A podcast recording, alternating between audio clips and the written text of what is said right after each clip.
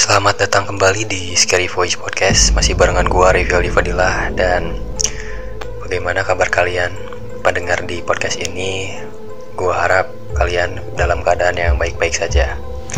Dan selain uh, baik-baik saja Biasanya kalian akan membutuhkan suatu hiburan Agar uh, mungkin di hari ini kalian yang tadinya sebelumnya selesai beraktivitas atau sedang beraktivitas berat lalu sekarang kalian ingin merehatkan diri dengan menghibur kalian. Dan tentunya kalian sudah memilih media hiburan yang tepat untuk menemani malam Jumat kalian. Dan di kesempatan kali ini gue bakalan menceritakan salah satu cerita horor yang di mana ada sebuah rumah di Amerika Serikat yang benar-benar angker yang di mana di rumah tersebut uh, sempat ada gangguan-gangguan dari makhluk halus dan sampai penghuni dari rumah ini menjual hmm, rumah ini dengan harga yang miring pada awalnya tapi diputuskan untuk dijual gratis ya alias hanya diberi cuma-cuma karena beragam cerita horor yang sudah banyak uh, terjadi di rumah tersebut. Dan tanpa berlama-lama lagi, mari kita menuju ke pembahasannya.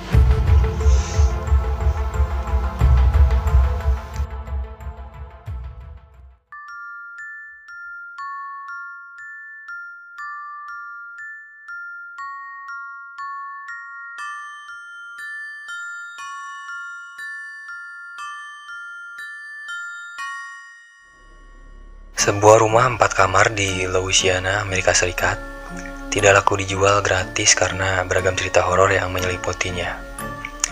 Dilansir dari uh, artikel yang gue lihat di mesin pencarian Google, pada tanggal 3 Mei tahun 2020, pemilik rumah berjuang menjualnya secara gratis, tapi cerita-cerita horor yang beredar soal rumah itu membuatnya susah laku. Rumah ini dibangun pada tahun 30-an dan telah dikenal sebagai rumah yang menyeramkan. Akibatnya, tidak ada seorang pun yang berani menempati meski tidak perlu mengeluarkan sepeser pun uang untuk membelinya. Salah satu mantan penghuni uh, rumah tersebut uh, itu sempat dihantui oleh nenek-nenek yang konon katanya sosok tersebut adalah buyutnya. Konon juga sang nenek sering mengaduk masakan yang ditinggalkan di dapur dan memindahkan panci-panci di rumah. Sylvia McLean adalah salah satu agen perumahan dan co-owner McLean Investment membagikan foto rumah itu di Facebook untuk melihat uh, calon pembeli. Akan tetapi upayanya terhambat oleh banyaknya komentar warganet tentang cerita-cerita horor yang pernah mereka alami di sekitar rumah itu. Sylvia mengaku dia mendengar cerita-cerita rumah itu dihantui seorang wanita tua. Bahkan, mantan pemilik rumah sampai mengundang pemburu hantu untuk mengusirnya. Tapi dia tetap berharap riwayat rumah bisa diselamatkan dan menawarkan rumah itu secara gratis. Ex penghuni Down Valley, The Cold, mengklaim rumah itu ditempati oleh roh nenek buyutnya. Adele seorang wanita yang hidup uh, sampai sekitar umur 90 dan dikenal suka mengerjakan urusan di dapur. Keluarga Daun memiliki sebidang tanah seluas 647,5 meter persegi yang dibangun pada tahun 1860.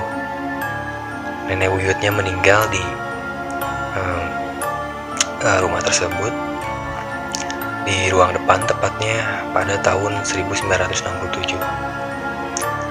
Daun yang keluar rumah di tahun 1980 mengatakan, kami percaya Adele adalah hantunya, tapi dia tidak membahayakan sama sekali. Posturnya sekitar 120 cm dengan berat 45 kg.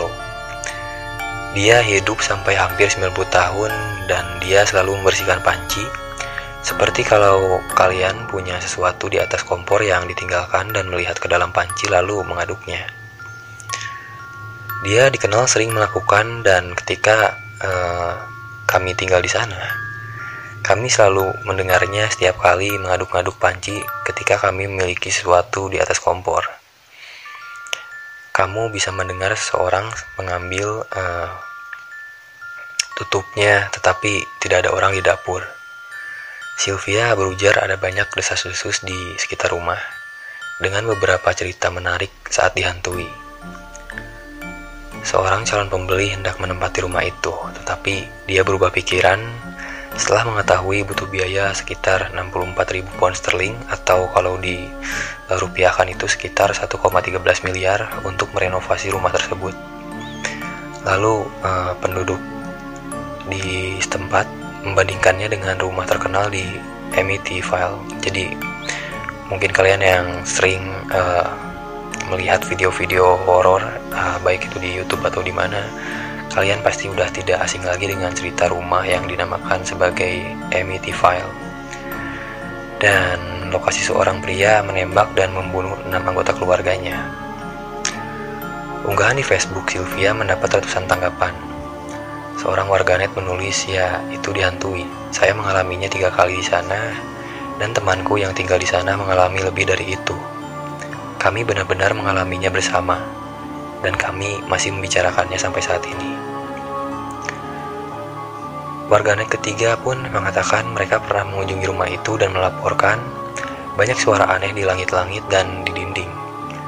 Sylvia khawatir dia akan gagal menjual rumah itu karena cerita-cerita horor yang beredar membuat para calon pembeli pun menjauh.